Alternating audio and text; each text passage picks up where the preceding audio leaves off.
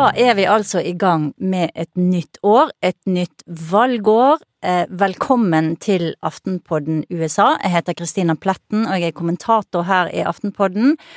Og dette er en litt spennende dag for meg, fordi at endelig så har vi fått på plass vår nye faste medarbeider her i podden. Kristoffer Rønneberg, velkommen. Tusen hjertelig takk.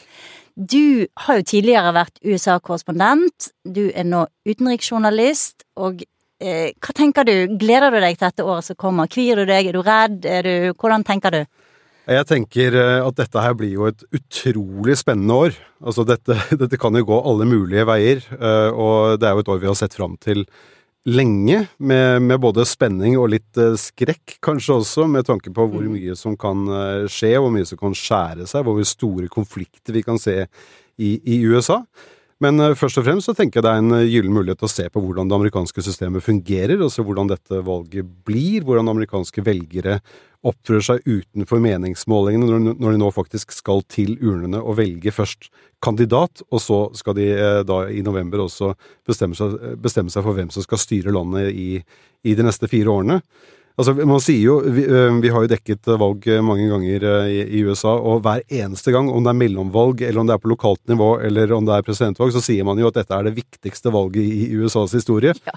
Men uh, denne gangen, denne gangen. Jeg, nå, nå, er det vel faktisk helt riktig. Du, det har jeg også tenkt på. Jeg har også sagt det mange ganger før. Jeg husker spesielt i 2004, som nå føles som liksom et, det minst viktige valget, i hvert fall i dette årtusen. Eh, så føltes det som eh, tidenes mest viktige valg. Da var det krig også i Irak, i mm. Afghanistan.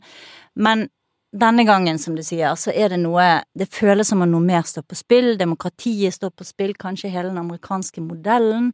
Nato. Eh, vi har også krig i Europa.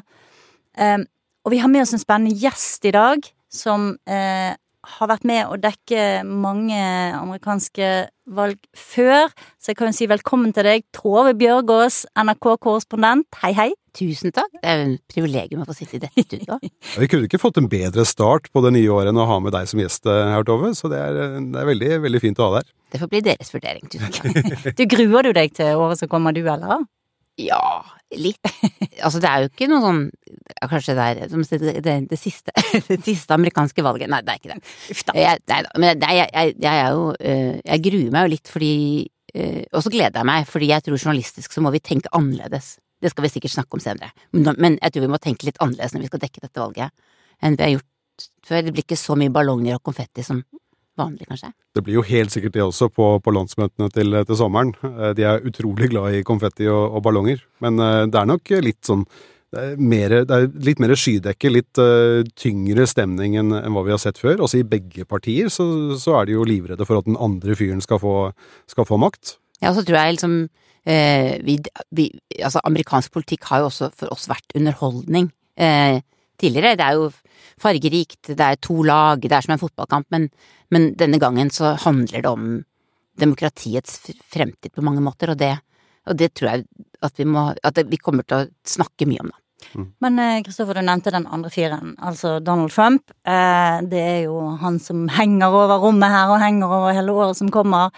Eh, og dere to var begge to i USA og dekket valget i 2016 når Trump vant. Jeg satt her i, i redaksjonen i Aftenposten, og jeg husker utover kvelden så var det sånn eh, diskusjon på, på, i nyhetsavdelingen da om eh, kan dette Nei, det kan, ikke, det kan ikke være sånn at han vinner. Og tallene tikket inn, og det ble mer og mer tydelig at jo, det var sannsynligvis eh, Trump som kom til å vinne dette, men folk ville ikke helt tro at det var sant. Altså, det var noe veldig rart som skjedde der, og det var langt utpå natten her i Norge før vi skjønte at oi, her skjer det virkelig et jordskjelv. Men kanskje dere kan fortelle litt om hvordan den natten var for dere, Kristoffer? Ja, altså, det var jo eh, mer eller mindre oppløst og vedtatt at Hillary Clinton skulle vinne ja. det valget. Alle var jo enige om det, og det var jo Trump også, for han hadde jo bare leid den lille ballsalen på Hilton-hotellet i, i, New York fordi han var sikker på at han kom til å tape. Det var ikke noen grunn til å ha noe stor fest uh, for det. Og jeg husker veldig godt Jeg var på en um, Jeg bodde i Brooklyn, i, i, i Park Slope. eh, Et område hvor jeg tror 99% stemte på, på Hillary Clinton. Så der var det stor fest eh, allerede fra, fra ettermiddagen, og champagnen spratt. Vi var på en nabolagsfest, og det var, eh, det var eh, god stemning. Og så husker jeg veldig godt det øyeblikket da noen eh, fortalte om hva som begynte å skje på, på New York Times sin pil. Eh, jeg vet ikke om dere husker den, men de hadde en pil som, som viste hvor stor sannsynlighet det var for at den ene eller andre kandidaten skulle vinne. Og hvis den lå helt, eh, helt ute på siden, helt horisontalt, så var det liksom 100% sjanse for at det var eh, seier til den ene. Og den lå på 99% på Hillary Clinton på begynnelsen av kvelden. Og så begynte stemmene å bli talt opp, og det var da Florida-tallene kom inn, sånn i halv åtte-åtte-tiden, at den pilen begynte å røre på seg. Og jeg husker veldig godt da noen i det rommet på den festen jeg var på, sa at oi, nå skjer det noe med den pilen. Den begynner å flytte på seg. Den ligger helt ute til venstre, og nå begynner den å flytte seg oppover og oppover. Og da den begynte å nærme seg liksom rett opp, og, altså midnatt på klokka, da skjønte jeg nå kan ikke jeg være i Park Slope i Brooklyn lenger, nå må jeg inn til Manhattan og inn til Javits-senteret, der Hillary Clinton skulle ha sin store fest. Hun skulle jo knuse glasstaket og bli USAs første kvinnelige president. Og inni det Javits-senteret, der var jo du, Tove. Der var jeg, og jeg hadde skreket meg til å få den plassen. Min eh, kollega Gro Holm ville jo også gjerne være der, etter hva jeg kan huske, men det var bare én som fikk være der, og det fikk jeg. Jeg hadde kjøpt en veldig dyr blå eh, dressjakke, eh, og, og, tenkte at nå skulle jeg være med på at den første kvinnen skulle bli president i USA. Og det er jo glasstak på Javits Center, eh, og jeg sto der inne, og, og jeg husker også den pila. Eh, og så husker jeg at jeg sto nede på pressesenteret og, og livet tidlig på kvelden, og og, og, og, det stemte ikke helt, det jeg hadde liksom disse, Den pila passet jo ikke så godt til etter hvert, da, til mm. det jeg hadde tenkt å si. Så husker jeg blant annet at etter hvert så kom det inn tall fra eh, Nord-Carolina, fra de store byene i Nord-Carolina, og da sa jeg sånn ja, nå kommer byene, her ser vi at demokratene mm. øker sin oppslutning, vi vil nå se at demokratene vil ta flere stemmer etter hvert som bystemmene kommer inn rundt i landet. Eh, men så husker jeg veldig godt at eh, når det virkelig begynte å dra seg til sånn i titiden på kvelden, Eh, da hadde vi bestilt noen liver fra pressetribunen inne i salen.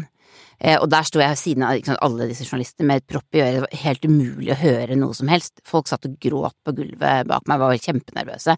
Og så husker jeg Svein Bryn, som var vaktsjef for sendingen hjemme, eh, ropte inn under nå sier de at det er 96% sjanse for at Trump blir president.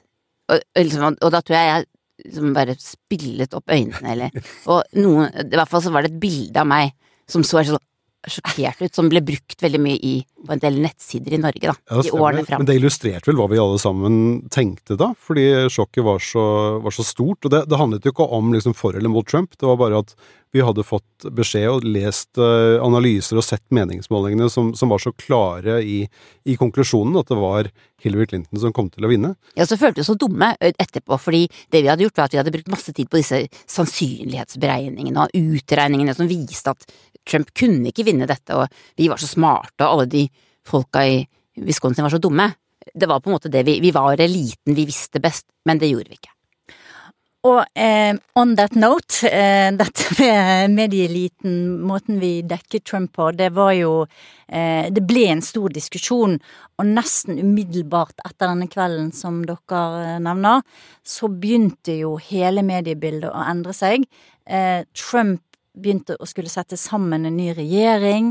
Det kom inn en del veldig kontroversielle folk. Det kom nyheter om eh, samtaler med den russiske ambassadøren.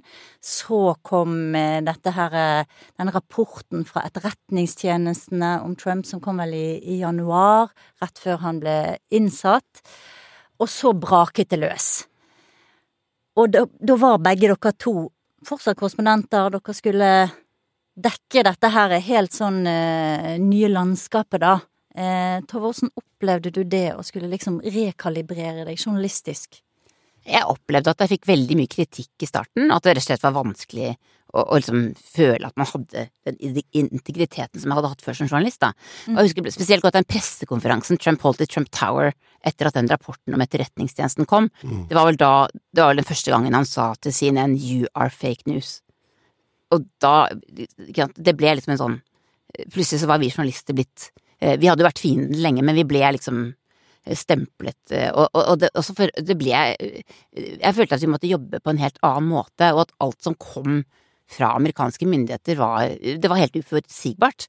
Så kom jo innsettelsen av disse Av denne folkemengden som Trumps folk påsto var så mye større enn enn det den egentlig ja. var, og, og, så kom Kellyanne Conway, eh, rådgiveren som sa at vi, vi, har, vi presenterer nå alternative fakta. Mm. Eh, det fins vanlige fakta, og så har vi alternative fakta. Det, og det hadde vi jo da framover. Og det, det, var jo I begynnelsen lo vi av det, men etter hvert så ble det jo en del av hverdagen.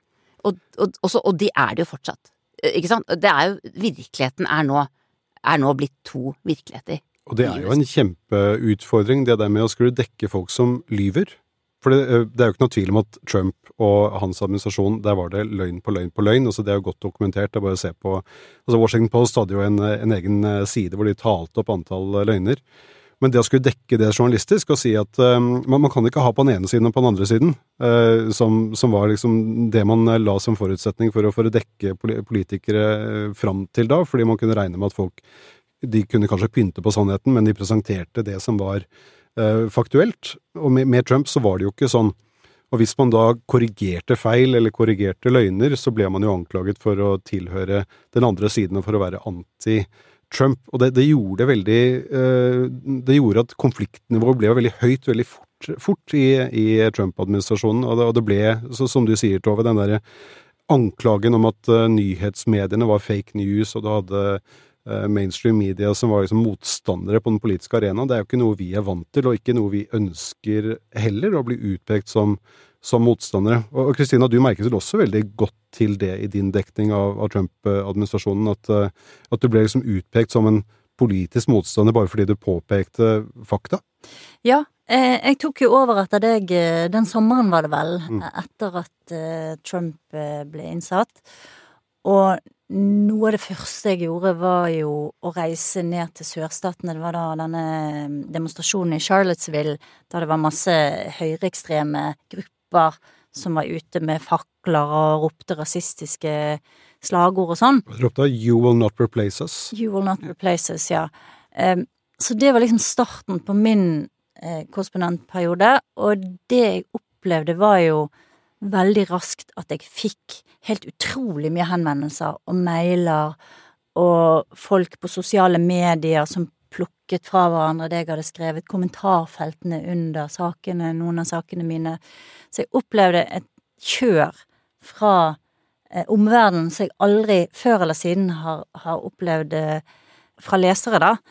Og, og, så kom jo sånne alternative medier dukket opp i Norge også, sånn som Resett, dokument.no, som også begynte å lage saker om meg, mm. om min dekning. Og du fikk, en, eh, du fikk en sånn ekstra vridning på journalistikken som ble veldig rar og vanskelig å forholde seg til. Og noe av det som skjedde, i mitt hode i hvert fall, var at jeg jeg måtte liksom gå mange runder med meg sjøl for å være sikker på at jeg var på det stedet jeg skulle være, at jeg ikke ble påvirket verken for mye eller for lite. At du ikke ble dratt inn i det universet, men samtidig heller også at du var lydhør for det som var relevant kritikk. Mm. Og jeg eh, var jo gjennom denne Bamsegutt-saken nå for noen uker siden, og, og, sto bare i en uke da i et litt sånn kjør og fikk masse henvendelser, men jeg må si at Får jeg minne lytterne på det, da. Så du skrev en kommentar ja. om Bamsegutt-dokumentarserien på NRK, som var liksom den første ordentlige kritiske eh, stemmen i, i, offentligheten om den dokumentarserien. Ja. Som ikke handlet nødvendigvis om dommen, eller handlet, handlet ikke om dommen mot ham, for den visste vi ikke om. Det handlet om etikken bak det å presentere saken som som den ble? Ja, eh, og så førte det til en, en, kjempesvær sak, og det skjedde ikke så mye annet i mediebildet, og i hvert fall så ble det en sånn voldsom storm, og jeg har blitt spurt veldig mange ganger siden det om det var vanskelig å stå i, men jeg føler det at i forhold til sånn som det var, særlig liksom de, de første to Trump-årene, så var det ingenting, altså. Det kom så mye dritt, og det kom trusler, og Tove, du fikk vel mest av alle, vil jeg tro. Det tror jeg ikke, men jeg fikk i hvert fall Jeg fikk jo noen, noen voldtektstrusler og noe Det var noe som endte opp i Jeg var vel faktisk en tur i tingretten og vitnet mot en fyr. Mm. Etter hvert.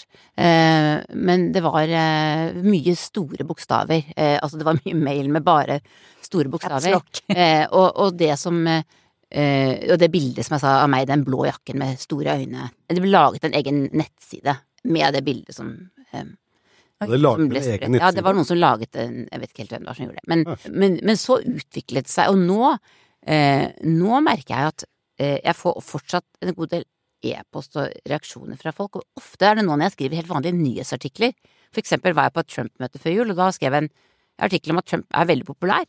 Og da fikk jeg mye sånn er du helt idiot, selvfølgelig er Trump populær, visste du ikke det? Ja. Altså det er, det er liksom litt der, da. Mm. Ikke nødvendigvis at man mener noe, men bare at man på en måte slår Altså, det kunne vi fortalt deg for, uh, for uh, åtte, syv år siden, at han var populær. Mm. Eh, har du først skjønt det nå, ikke sant? Så det, det, det, det går ganske langt tilbake. Men det som har skjedd der, det er jo at Trump er veldig bevisst det at han bruker mediene som en politisk aktør, og han, han har gjort det hele tiden, og gjør det i enda større grad i denne valgkampen enn hva han gjorde i 2016. Og, og, og vinner jo masse velgere på det. Altså, mye av det som gjør ham populær, er at han, han, er liksom representanten for massene, de glemte massene i den amerikanske befolkningen, og han skal eh, han skal være deres spydspiss for å liksom rive ned det etablerte systemet, hvor han sier at mediene er en del av det systemet. Og nå vet vi jo dette her i mye større grad enn hva vi gjorde i 2016, så vi skjønner mer av spillet. Men er vi blitt flinkere til å håndtere det? Altså, er vi, er vi bedre til å vite hvordan vi kan manøvrere oss gjennom dette ganske vanskelige landskapet og dekke valgkampen på en måte som, eh, som ja, gir et godt nok eh, bilde? Hva, hva tenker du, Tove? Jeg håper det, men jeg opplever at i USA så er det jo fortsatt en avgrunn mellom elitene og si, vanlige folk, da. Og, og så er det ikke riktig at det er liksom en dyrehage å være på et, på et Trump-møte, sånn som noen kanskje tror. Jeg var som sagt på et rett før jul, og der møtte jeg veldig mange hyggelige, vanlige mennesker. Mm.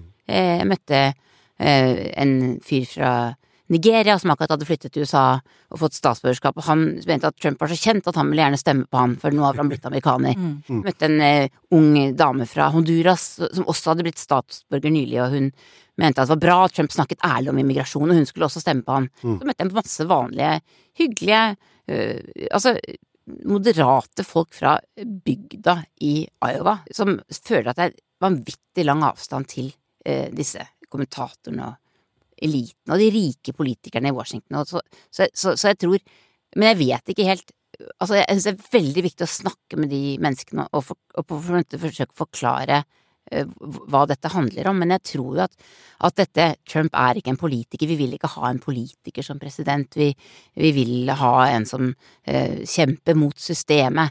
Eh, det er urettferdig. At det, det er så store forskjeller at det er liksom det store, store narrativet. At det er en populismegreie som, som er det vi må forklare, da. Det, det, er noe, det er noe helt fundamentalt i tilliten til myndighetene og til systemet i USA som jeg i veldig stor grad tror at også demokratiske partier har vært med på å skape.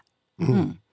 Men jeg tenker jo at det er på en måte et skille mellom Trump og Trump-velgerne eh, som, som er kanskje større nå dette høres litt rart ut, men jeg skal prøve å forklare. Det er større nå enn det var sist, fordi at nå vet vi hva Trump har gjort.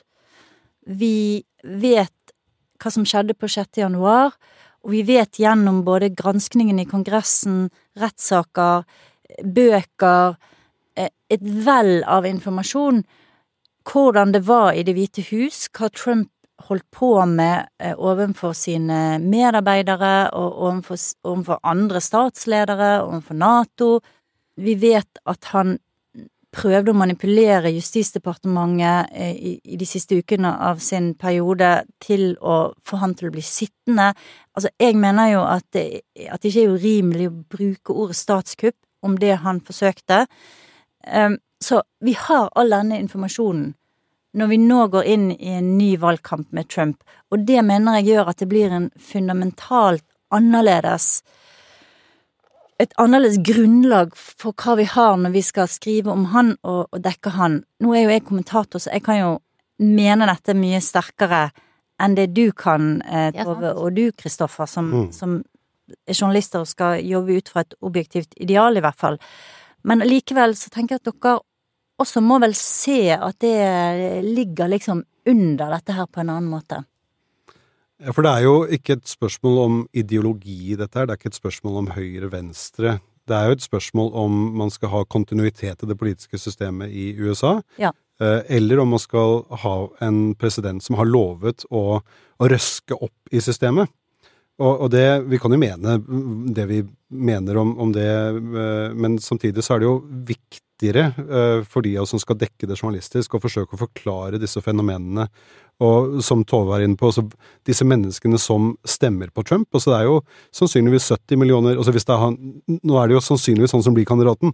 Mm. Men uh, det, uh, det, kan jo skje ting, selvfølgelig, men la oss bare ha det som forutsetning at han, at han blir det. Så er det jo ja, sannsynligvis 70 millioner mennesker som kommer til å stemme på ham. Det er veldig viktig å forklare hvorfor de gjør det, og det er jo ikke irrasjonelt uh, for de 70 millioner menneskene som, som gjør det. Så det tenker jeg det er veldig viktig. Og så er det også viktig å prøve å forklare hvorfor dette har skjedd. Altså hva, hva er det med måten det amerikanske samfunnet har utviklet seg på disse siste tiårene som gjør at folk er så fortvilet og så sinte på elitene at de eh, heller vil liksom brenne ned huset, som man sier på, på amerikansk, enn å, enn å, fortsette med det systemet de, de har. Så jeg tenker vi, vi kan jo liksom anerkjenne at Trump er en disruptiv eh, karakter, altså en person som kommer til å forstyrre orden, og, og, orden sånn som den er i det amerikanske samfunnet i dag, uten at, å, uten at vi trenger å bruke så mange adjektiver på, på, det, men å bare anerkjenne at han sier ja, han skal rive ned Justisdepartementet og FBI og Utdanningsdepartementet og melde USA ut av alle mulige internasjonale organisasjoner. Det vet vi at han planlegger å gjøre hvis han blir president, og så må vi forholde oss til det og prøve å forklare det så, så godt vi kan. Mm. Ja, jeg tror du har rett i det. Eh, men så syns jeg også det er vanskelig det at han er Var det noen andre som kunne klart å gjøre dette? Det spørsmålet stiller jeg meg fortsatt. Han er jo ikke egentlig ute etter å hjelpe folk, han er ute etter å slippe å havne i fengsel, sannsynligvis. Han må jo vinne dette valget, hvis ikke så er han jo ferdig. Eller så må, det jo komme en annen som, mm. støtt, som hjelper han med å bli benådet, kanskje, da. Så, så, men, så jeg prøver ofte å spørre folk, men tror du virkelig han kjemper for deg? Altså, for de sier at han er en uselvisk martyr, han hadde ikke trengt å gjøre dette, han har masse penger, han hadde ikke trengt å kjempe for oss. Så, så liksom, det er også en del av historien, og jeg, og jeg, jeg føler nå at han er et tog som har forlatt stasjonen. De klarer ikke å stoppe det. Det går framover, det går Altså, det er på en måte Er det det at amerikanerne eh, er så glad i vinnere? Altså at, at hvis du er en vinner, så fortsetter du bare å vinne. Eh, det er akkurat som de er helt sånn apatiske altså på, i hvert fall på høyresida, da. De hadde, har hatt veldig mange muligheter nå til å eh, si at nå, nå, nå, nå, må vi mm. stoppe dette. Eh, men, men, de, men, men de, de, har jo ikke brukt noen av dem. Eh, og jeg syns jo heller ikke at etablissementet har klart å, å, virkelig peke på kanskje hva som er grunnen til at folk er så sinte på det politiske systemet, da. Som kanskje ikke minst handler om alle pengene i politikken, eller hvor utrolig ja, gjennomsmurt det er av, eh, av, penger og posisjoner som, eh, som, som, visse deler av samfunnet får, da. Men det du sier her, Tove, er jo egentlig at det er forskjell på Trump sin ambisjon, eller hans misjon, da, hans budskap, og det folk vil at han skal gjøre. Ikke sant? Altså, det velgerne stemmer på han fordi de vil at han skal gjøre et eller annet, fordi han representerer et eller annet for dem, mens Trumps egne motiver handler om han selv. Og spørsmålet er jo da hvor bevisst er folk på den dualiteten som du beskriver der? Altså, jeg tror jo det at mange velgere, de fleste Trump-velgere, vet at han ikke er en mann som bryr seg så mye om andre, men de tenker drit i det fordi at de tror at han allikevel vil skape et USA som er bra for de.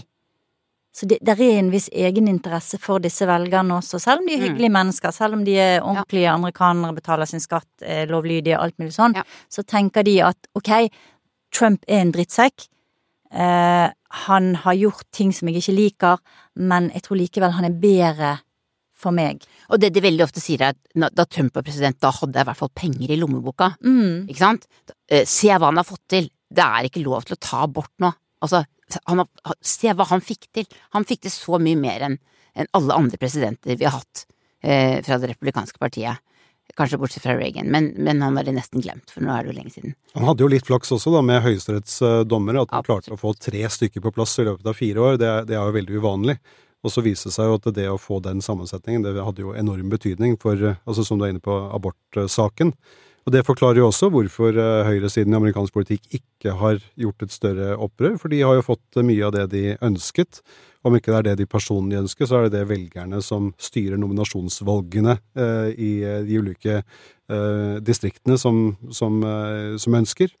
Og, og det har vi jo sett at hvis man utfordrer Trump på republikansk side, så blir man jo felt i nominasjonskampen for, eh, for neste, ved neste valg til eh, Representantenes hus. Og da er det jo ingen som tør det. Altså Kevin McCarthy er jo et eh, ypperlig eksempel på det, altså tidligere speaker i, i huset. Veldig kritisk til Trump i dagene etter 6. januar 2021 og, og stormingen av Kongressen. Det varte ikke lenge før han var nede i Mar-a-Lago og, og, kysset Trumps ring igjen. Og det, det, er jo dels fordi de er livredde for, eh, for folk på høyresiden som, eh, som strømmer til og, og, stemmer ved disse, disse nominasjonsvalgene til, eh, til setene i Kongressen. Og så skyldes det at de får, de får jo oppnå en del av de tingene de ønsker. Og da, da, er det ikke så farlig om Trump kanskje ikke er, har den personligheten som passer inn i det, den politiske eliten i USA det er kanskje en digresjon, men da jeg var på dette Trump-møtet, da, så satt jeg også og så deler av talen hans ute i resepsjonen sammen med noen av de som ikke slapp inn. Og de ser jo nå ikke på Fox, for Fox er jo altfor liberalt, sa de til meg. Så de ser på en TV-kanal som jeg egentlig aldri har sett på før. Har dere sett på Right Side Broadcasting Network? Aldri. Nei. Den høres ny ut. Uh, RSBN. Det er da en eh, YouTube-kanal som ble startet i 2015 allerede av en Trump-tilhenger, som da sendte hans valgmøter i sin helhet, for at det ikke skulle være noe reklame eller kutt eller sånn. Og nå er dette blitt en slags kanal der de har programledere som da innleder, og det, det, det er jo liksom Nord-Korea-stemning over det. Eh, det er altså veldig Trump-tro programledere som kommenterer i forkant her, og mens Trump taler, altså går det en tikker nederst med gode nyheter om Trump og alt han hvor store ledere har gjort. Og på siden, eh, på høyre side, så, så er det da reklame. Det er litt sånn Home Shopping Network. Eh, der er det sånn kjøp eh, barneboken The Children's Guide to Donald Trump. Fin julegave. Mm. Eller kanskje du vil ha The Trump Terminator Doll, en sånn dukke med Trump som holder en AG. seriøst, altså. Dette var rett før jul, så det var Og medaljonger og, og de der gamekortene sikkert, da. Altså rett og slett veldig Og det, mange av de jeg har snakket med, dette er det de sitter og ser på. Jeg må si at dette skremmer meg. Det skremmer meg liksom langt inn i margen. Så uh, nå har vi mimret en del og snakket en del om hvordan det var ved forrige, forrige valg og i forrige presidentperiode under, under Trump, uh, men nå er det jo 2024, altså det er, det er, skuddår, og når det er skuddår så betyr det at det er valgår i, i USA, presidentvalg, og, og da er jo spørsmålet om det er Trump som blir eh, presidentkandidat, og om, om han vinner valget. Og Kristina, du, eh, du, har jo fire ting, du har laget en liste på fire ting som kan eh, i teorien felle Trump før han eventuelt blir ny president i, i USA, eller president igjen i, i, USA. Så skal vi begynne med nummer én? Hva, hva er den første tingen? Den første tingen er jo det som skjer veldig, veldig snart, og som Tove skal dekke. Det er altså primærvalgene. De suser i gang den 15. januar i Iowa. Og spørsmålet er jo fortsatt om det er noen av disse utfordrerne som kan velte Trump i primærvalgene. Jeg tror faktisk at det er en liten sannsynlighet for det. Eh, hører jeg navnet Nikki Haley liksom, i det fjerne her? og de som hører på denne poden ofte vet jo det at, uh, at jeg har litt tro på Nikki Haley. Hun dummet seg jo litt ut nå i romjulen, da. Da hun ble du tror ikke det betyr så mye? Nei. Men hun ble i hvert fall spurt om eh, grunnen til den amerikanske borgerkrigen, og unnlot å nevne slaveri. Mm. Og det ble jo en litt sånn miniskandale i USA. Men hvis man ser på meningsmålingene, og hvis man går litt inn i tallene, så ser man det at Trump er mindre populær i disse eh, første statene som skal stemme enn han er i når de måler for eksempel i California eller Texas eller andre stater. Eh, da måler jo de velgerne på høyresiden, da, ikke sant, de som er sannsynligvis kommer til å stemme i det republikanske primærvalget. Men det jeg ser da, er at i stater som Iowa, New Hampshire, South Carolina, disse som kommer først, så har Trump en lavere oppslutning. Og jeg tror noe av grunnen til det er at de velgerne faktisk har satt seg mer inn i dette her. De er tettere på valget, de skal snart gå til urnene. Kandidatene har vært i disse statene, ikke sant, og reist rundt og holdt folkemøter og sånne ting. Og flere av de vurderer å stemme på andre, og Trump ligger ofte på en sånn mellom 40 og 50 prosent, bortsett fra Nevada, som er en sånn kokostat, men hm. Men det forteller meg at det er ikke så soleklart at Trump kommer til å vinne, og spesielt 23. januar, New Hampshire, der ligger Nikki Haley bare kanskje en 15% etter Trump. Og hvis du legger sammen hennes stemmer, Chris Christie sine stemmer og Ron DeSantis sine stemmer, og kanskje også Ramaswamy, så, så har de faktisk, tror jeg, mer enn det Trump har akkurat nå på de siste målingene. Så jeg er ikke så sikker på at det, i sommer at det er Trump som faktisk er kandidaten. Mm. Hva du tenker Tove? Jeg tenker at eh, Jeg tror han vinner i Iowa, eh, men for der har han ligget så langt foran. Men jeg tror New Hampshire kan bli en viktig delstat. Men, men det er vel slik at disse andre må vinne en av de to første. Eh, og så tror jeg at supertirsdag Er det fjerde eller femte mars? Femte? Femte. Ja. Eh, altså, det må bli enormt viktig denne gangen. Eh, og at da får vi vel kanskje svaret. Eh, men jeg lurer også litt på om om vi nå er så opptatt av at vi gjorde feil sist, at vi er veldig opptatt av å si at Trump kommer til å vinne. At, Mm. på en måte liksom nesten har regnet inn Så Vi må Ja, sørge for å si at det blir han. Mm, For ja. tenk hvis det blir det, og tenk hvis vi driter oss ut en gang til. Ikke sant? Altså, at det er liksom en At det faktisk er en, eh, en liten del av det. Det er jo ikke alltid meningsmålingene stemmer, men, men, men det, det, han har jo ligget han, Altså, da jeg var i så lå han jo på sånn mellom 54 og 67 prosent der. Eh, Mm. Mm. eh, men når det gjelder ikke hele denne rasismekommentaren, eller borgerkrigskommentaren, så tror jeg at, eh, at blant de velgerne som skal stemme i republikanernes nominasjonsvalg, så tror jeg det har veldig liten betydning. Det måtte jo være til høsten i så fall. Og så er det jo et eh, element her at momentum er en viktig del av, eh, av prosessen. Altså Hvis man gjør det bra et sted, så, så begynner snøballen å rulle. Så hvis Trump gjør det litt dårligere enn forventet i Iowa, så er jo det grunnen eh, til at Nikki Haley kan være mer optimist, optimistisk. Og jeg er helt enig med deg, Kristina. Det er jo der den store spenningen er nå. Hvor avstanden mellom Nikki Haley og Trump er mye mindre enn den er i, i Iowa. Så det, der kommer det til å bli superspennende å, å, å følge med. Men du, det var punkt eh, én. Var punkt én. Eh, ting som kan felle Trump. Hva er punkt nummer to? Punkt nummer to, eh, det skjer i april. Da skal eh, denne organisasjonen som heter No Labels holde eh, sitt landsmøte. Det er et slags parti, får vi vel si, Tove, som har eh, stilt lister, eller har organisert lister i alle delstater. De kan komme til å nominere en kandidat som da stiller som uavhengig eller tredjepartskandidat. Der er allerede et par av de. Vi har snakket før om Kennedy junior. jr. Eh, og så er det en sånn eh, Green Party-kandidat og noe sånt da. Men hvis det kommer en til som spesifikt blir introdusert for å ødelegge for Trump, som er egentlig det No Labels er eh, etablert for å gjøre, da, så kan det også få påvirkning. Det er ikke så mye som skal til. Hvis vi husker tilbake til 2020 og også 2016, så var det jo bitte små marginer som gjorde at eh, Trump først vant, og så tapte. Var det 30 000 stemmer som skilte i, i de fire tetteste delene? Ja, 30 eller Mm, 40. Mm, det var noe sånt. Ja. Mm. Så kommer der inn en kandidat som kan ta liksom 3-4 prosenter da, i disse viktigste statene, så kan det være nok til at Trump eh, er ferdig. Men jeg vet ikke hva, hva du tenker, Tove, om det er liksom sannsynlig at, at de faktisk kommer til å gjøre det. Jeg har egentlig ikke like god kunnskap om det som deg, tror jeg. Men er Joe Manchin en kandidat her? Joe Manchin er jo en kandidat. Altså, Joe ja, Manchin, han er jo senatoren fra uh, West Virginia, Ja. uh, og, han uh, Han er jo populær blant en god del på midten, og ikke minst i klimapolitikken, hvor han har vært Mm. veldig langt til høyre i forhold til demokratene. God venn av kullindustrien.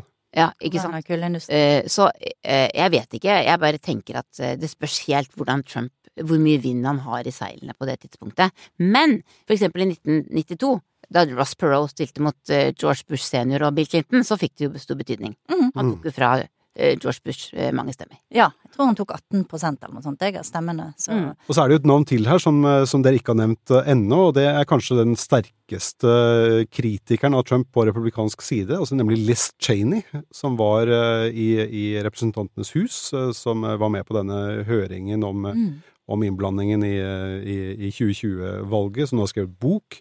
Og i flere av de intervjuene jeg har hørt hvor hun skal promotere den boken, så hinter hun veldig kraftig om at hun kan stille som uavhengig presidentkandidat. Og hvis hun gjør det, så er det klart at da finnes det en del konservative amerikanere som vil foretrekke henne fremfor, eh, fremfor Trump. Så får vi se om det er nok, da. Ja, det tror jeg er et veldig godt poeng, og jeg tenker at det er en del Jeg tror det er omtrent 25% mellom 20 og 25% av republikanerne som ikke vil stemme på Trump. Kanskje de kommer til å gjøre det eh, hvis de må velge mellom han og Biden, men hvis de har en annen som er nærmere deres eget verdigrunnlag, og som ikke har prøvd å begå statskupp, så kan eh, Liz Cheney være et sånt alternativ for noen. Hun er ikke veldig populær, hun kommer aldri til å bli president, tror jeg, men hun kan, hun kan stille bare for å ødelegge for Trump, da. Ok, så da har vi punkt én, det var eh, nominasjonsvalgene. Punkt to, det var eh, eventuelle uavhengige kandidater ved Mhm. valget. Hva er eh, punkt tre på listen over ting som kan felle Trump, eh, Kristina? Punkt tre er rettsproblemene til Trump. Han skal gjennom flere store rettssaker, og det er jo også noen domstoler som vurderer om han er Um, om han bør ekskluderes fra, fra stemmesedlene. Det er vel to delstater nå som har fjernet han, Colorado og Maine. Eh, men han har jo også flere store utfordringer, for eksempel eh, i Georgia der det er en, eh, en rettssak som går på dette her med å stjele valget, rett og slett, og hele statskupp-problematikken. Det som kalles for en RICO-rettssak, som betyr at det er flere tiltalte, og det er det er vanskelig å komme seg unna, da. Det er vanskelig for Trump å skulle skli unna den fordi at han kan få ansvar for det også andre mennesker har gjort i den måten den eh, rettssaken er satt sammen på. Men den verste rettssaken, tror jeg, er denne som går på hemmelig, hemmeligstemplede dokumenter. Han tok med seg en haug med dokumenter til Mar-a-Lago når han forlot Det hvite hus, og det har kommet frem at han delte Altså, han delte hemmeligstemplet informasjon med både utlendinger og andre mennesker, og nærmest gjorde det til sånn party trick. Og det tenker jeg er ganske skadelig, og når alt det der skal legges frem, så tror jeg at det kan også være en sånn ting som gjør at han at han får en skikkelig bulk i karosseriet, da. Og den saken skal opp i mai, skal den Ja. ikke det? Ja. Så det er jo etter eh, et godt stykke ut i kampen, da. Mm. Den føderale saken om, eh, valg, eh, altså om eh, valginnblanding og, og det som skjedde 6. januar, det er jo dagen før supertirsdag. Så Ja. der, der kan det jo bli mye, mye Men jeg er veldig sikker på at de kommer til å gjøre alt de kan for å trenere den oppstarten med forskjellige Altså med Trumps folk, da. Ja, men, men bare så det er sagt, nå er det disse fire punktene er jo ikke bare det som kan stanse han før han ble nominert, men altså stanse han fra å bli president, da. Ikke sant? Så disse her sakene vil jo rulle og gå, og også påvirke det hvis han blir kandidaten til høsten. Er det noe velgerne bryr seg om når du snakker med dem, eh, Tove? Dette med Trumps eh, trøbbel i rettssystemet? Eh, noen gjør det, mange sier at Biden er like ille. Jeg tror at saken mot Hunter Biden og det som skjer med Biden Nå blir det jo riksretts... eh, Ja, det blir jo nærmest en slags riksrettssak. I hvert fall har de bestemt seg for å prøve å lage en tiltale i Kongressen. Mm. At det nå ruller parallelt, og for mange så er det så, så kan du kanskje ikke sidestille, men hvis du lever i det parallelle universet, så er det Ikke sant, den andre i siden er ikke noe bedre. Vi vil i hvert fall ikke stemme på Biden, sier de. Ikke sant?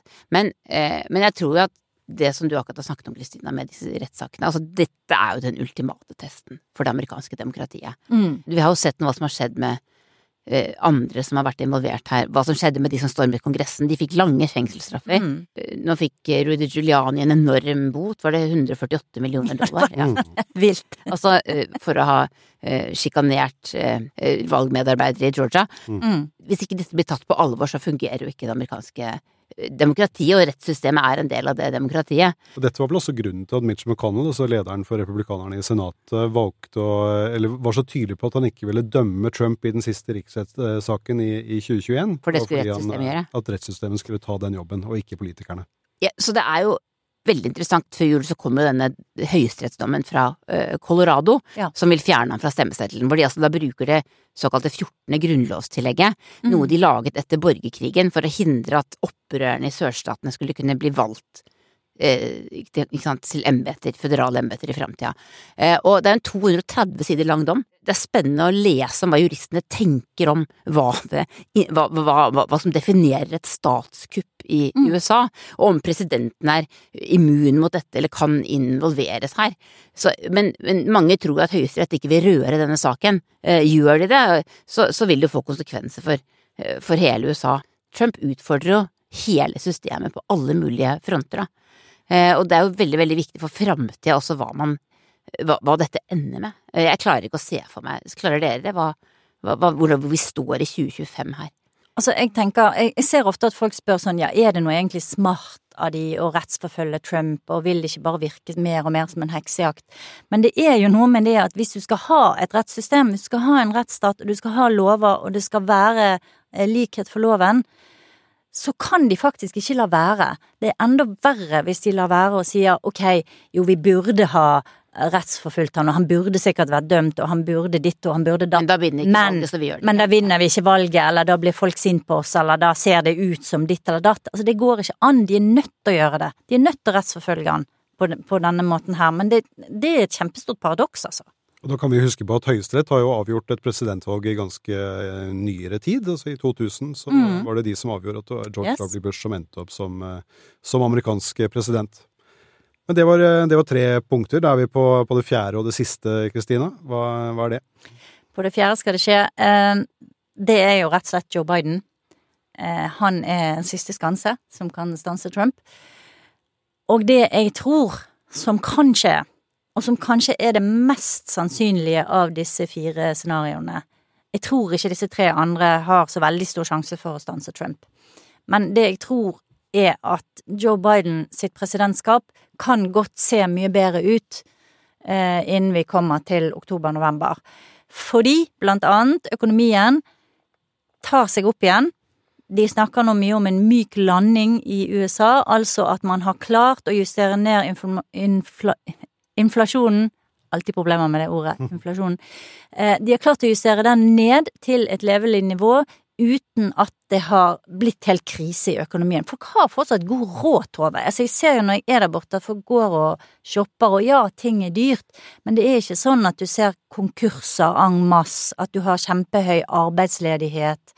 Og etter hvert så vil dette her justere seg, og jeg tror at lønnsveksten vil komme over prisveksten, blant annet.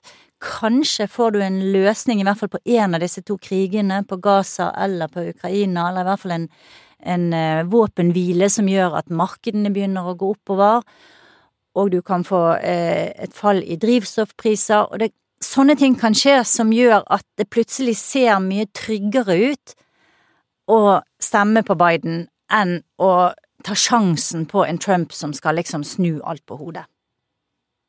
Optimistisk type, du. Ja, altså jeg må jo se det litt optimistisk. Jeg tror i hvert fall det er det mest sannsynlige av de tingene som kan stanse Har- Tar jeg helt feil, eller? Nei, det vet jeg ikke. Jeg tror bare at det er veldig veldig vanskelig for en på 35 å kjøpe seg en bolig. Det er nesten helt umulig. Ja. Eh, For boligprisene har eksplodert etter pandemien. Eh, Og veldig mange unge er veldig veldig sinte på Biden på grunn av krigen i Midtøsten. Mm. Men samtidig så er de jo veldig sinte på republikanere på grunn av abortdommen. Eh, Så jeg tror abort faktisk Vi så det i mellomvalget sist, at abortsaken var mye viktigere enn det vi trodde. Ja. Eh, Så jeg tror et av de store spørsmålene er jo om de unge kommer til å stemme på Biden. Eh, Om de kommer til å tenke vi stemmer på han, for ellers så går landet til skogs, eller om de Eller sitte hjemme. Ja. Eh, og, så det, så, jeg, og de har jo De stemmer jo ofte i mye mindre grad enn eldre, men de er jo viktige også for å gå ut og banke på dører, være liksom med og være engasjert. Jeg er ganske bekymret for, for Biden, for den litt sånn apatien i Det demokratiske partiet nå. Mm. Eh, noen har sagt at Jill Biden er den eneste som redder demokratene ved å si at mannen min stiller ikke en gang til. Dette, han, er, han er for gammel nå, finn en annen. Ja. Men nå er det veldig seint. Så jeg tror ikke det kommer til å skje. Jeg tror det kan skje hvis, altså hvis nummer én slår inn. Hvis mot all formodning Nikki Haley for eksempel skulle bli Ja, for hun Kandidaten. Sikkert. så, så tenker jeg at eh, Biden godt kan finne på å trekke seg. Jeg tror at at hun kunne, vil slå han kraftig Ja. hvis hun skulle bli kandidaten, og, og jeg tenker noen ganger at det kanskje er redningen for USA, hvis hun blir president, faktisk. Og så er det jo faktisk en stund igjen til, eh, til landsmøtene. Så Mm. dette er jo ikke ført til, eh, ført til sommeren. Nei. Og partiene står jo fritt til å velge sine kandidater eh, helt fram til Og kanskje da pengene kunne få mindre betydning, kanskje man kunne bare velge en uten at man skulle bruke sånn Ofte er det sånn hvem har flest milliarder, bare den kan bli valgt. Altså, Jeg husker Ted, Cruz han prøvde seg på landsmøtet i 2016, hvor han, eh, hvor han sto og så utover forsamlingen der og, og sa dere må stemme på etter samvittigheten deres. Og det, det gjorde jo Trump, og han så rasende, fordi det Cruz egentlig sa, var stem på meg istedenfor Ja, ja. stemme på, på Trump. Men det, det lille kuppforsøket der, det, det fungerte ikke. Nei. Men det, det, var en, eh, det var en liste som, eh, som gjør at vi, vi må jo da bare rett og slett følge med, Kristina, og se Mm. om noe av dette her eh, blir, eh, blir virkelighet. Eller om Vi kommer er til å følge med. Vi skal definitivt Mm. følge med her i, her i Aftenpodden eh, USA. Men eh, før vi runder av i dag, så eh, er det vel tid for eh, den tradisjonsrike, obligatoriske refleksjonsrunden. Eh, Skal vi begynne med deg, Tove? Hva, hva har du tenkt på? Ja, jeg har rett og slett funnet fram en nyttårskommentar i Washington Post som jeg syns var veldig god, med den eh, veldig mørke tittelen Er dette Is this who we are? Er det, er det disse vi er? Mm. Av, av Karen uh, Tumulty. Ja. Eh, og hun skriver jo om eh, ja, Trump og forhold til demokrati og alt det vi har, har snakket om eh, nå.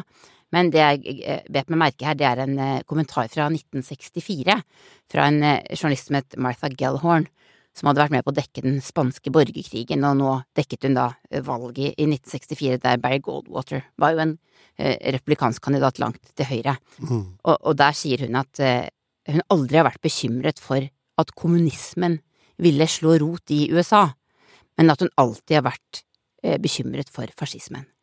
For fascismen har, som hun sier, it's a real American trait. Altså det er en, eh, kanskje ikke en amerikansk verdi, men en amerikansk tendens, da. Eh, og det eh, som står i denne kommentaren, syns jeg forklarer litt av den manglende frykten for at demokratiet skal bryte sammen.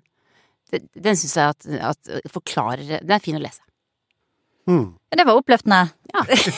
Nå kommer min, og den er enda gøyere og, Ja. og mer optimistisk for min år, nemlig dommedag. Ja. Ja, nettopp. Ja. Som om ikke dette var liksom Nei. deprimerende nok.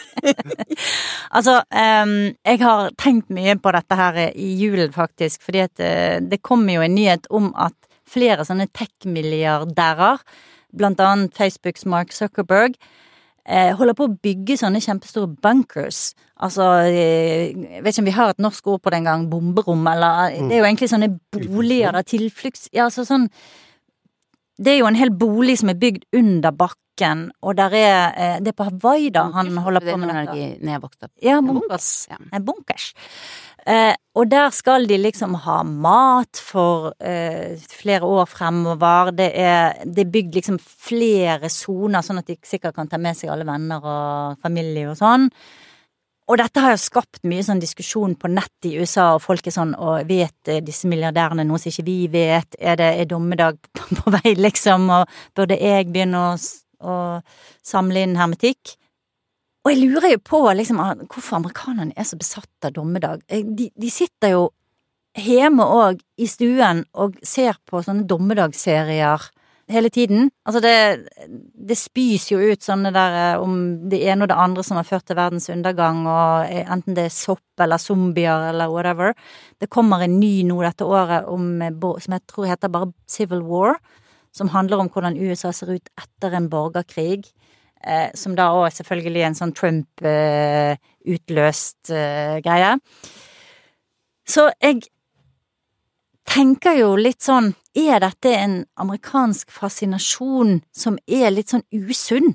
Altså, der eh, det, tar, det tar helt av med disse bunkergreiene og sånn, da, men Men hvorfor, hvorfor, hvorfor er de så opptatt av dette her? Hvorfor tenker de sånn? Hvorfor har de denne, dette narrativet som, som handler om verdens undergang, som de hele tiden sitter og både underholder seg med og skremmer livskit ut både seg sjøl og andre, da. Jeg syns bare det er interessant. Ja. Lystig. Ja, men for å Veldig finne, lystig. for å finne Ja. en positiv Har du noe, da. har du noe Altså, hvis- du kan løfte oss opp? Ja, bare som en kommentar på det. Altså, hvis du tror at hver dag er den siste, så lever du jo hver dag som den er eh, den siste. Så det er jo Det Det var jo en, ja, det var jo en, en, eh, en. Ja, ikke sant? Jeg tror Donald Trump aldri ser seg tilbake. Det er liksom her og nå, eller kanskje litt fram. Men Ja. det er aldri noe som er bak. Nei, det er sant, det er sant. det er sant. ja. Nei, Mitt Romney sammenlignet ham med en sånn gumball-maskin. At, du, at du setter på en mynt, og så kommer det en, eh, en sånn tyggis Tyggis. Uh, ut. uh, uten at det er noe prosess prosess eh, imellom. Eh, det var kanskje litt dårlig analogi der. Men min eh, Jeg har ikke tenkt å snakke om politikk i det hele tatt. Nei. Jeg tenkte vi trenger en virkelighetsflukt. Eh, som er liksom passe realistisk, da. Så det er en TV-serie som eh, eh, Som kom nå i november, tror jeg, men jeg rakk ikke å se den før, i, før julen. Den heter Murder at the End of the World, som Ja. er et eh, klassisk liksom, detektivdrama. Uh, hvor du har en gjeng med folk som er innelåst uh, et sted. Dette høres jo òg ut som sånn dommedags... eh, Ja, Det er litt dommedag også, for det er litt som Black Mirror over den episoden, eller over disse episodene av denne serien. For den har et element av, eh, av kunstig intelligens som, eh, som gjør at serien blir veldig spennende. Og man tenker at den er kanskje litt realistisk, det som skjer der. Med, en, med da et mysterium som da det ble avslørt hva, hva som hadde skjedd. Uh, skal jeg ikke si for mye. Men det var, det var laget på en sånn måte at jeg både tenkte Oi, ja, selvfølgelig. Eh, så jeg ble både overrasket og tenkte at dette burde jeg jo ha sett eh, komme. Og det er jo nøyaktig sånn et godt uh, morddrama skal, skal være. Så Mm. 'Murder at the End of the World' det er, Og hvor kan folk se dette mesterverket? den ligger på streamingtjenesten Disney. Det er flott. Yes. Nei, men altså, da tror jeg vi har vært sånn passe eh, dommedagsprofeter her i studio. Altså lystig start på 2024. Lystig på 2024. Så eh, tusen takk, Tove, for at du kom. Men kjempegøy. Og så fra neste uke, Kristoffer, så blir det deg som egentlig tar styringen av denne skuta. Ja, altså, Kanskje du skal blir, få lov å si takk? Ja, jeg sier, eh, sier gjerne takk for denne gode introduksjonen, denne gode, spennende samtalen vi, eh, vi har hatt. Og så gleder jeg meg til veldig mange uh, hendelser og spennende ting som skal skje i 2024. Ja. Selv om det er mye som er liksom, ukjent og kanskje litt skummelt, så er det jo først og fremst utrolig spennende. Og det, Det blir gøy. det blir jo rett og slett det Det også. gjør jo det. Så eh, da snakkes vi i neste uke. Kristina, eh, du og jeg vi blir jo faste her i, her i studio. Så skal vi ha litt gjester og snakke om eh, aktuelle ting. Og selvfølgelig for, for alle dere som hører på, gå veldig gjerne inn på Facebook-gruppa vår, Aftenpodden USA. Der, der er vi og er med på å diskutere. Kom gjerne med tips, innspill, ting dere vil at vi skal snakke om, og, og som vi kan lære om. Og ja, i mellomtiden så er det bare å si takk for nå.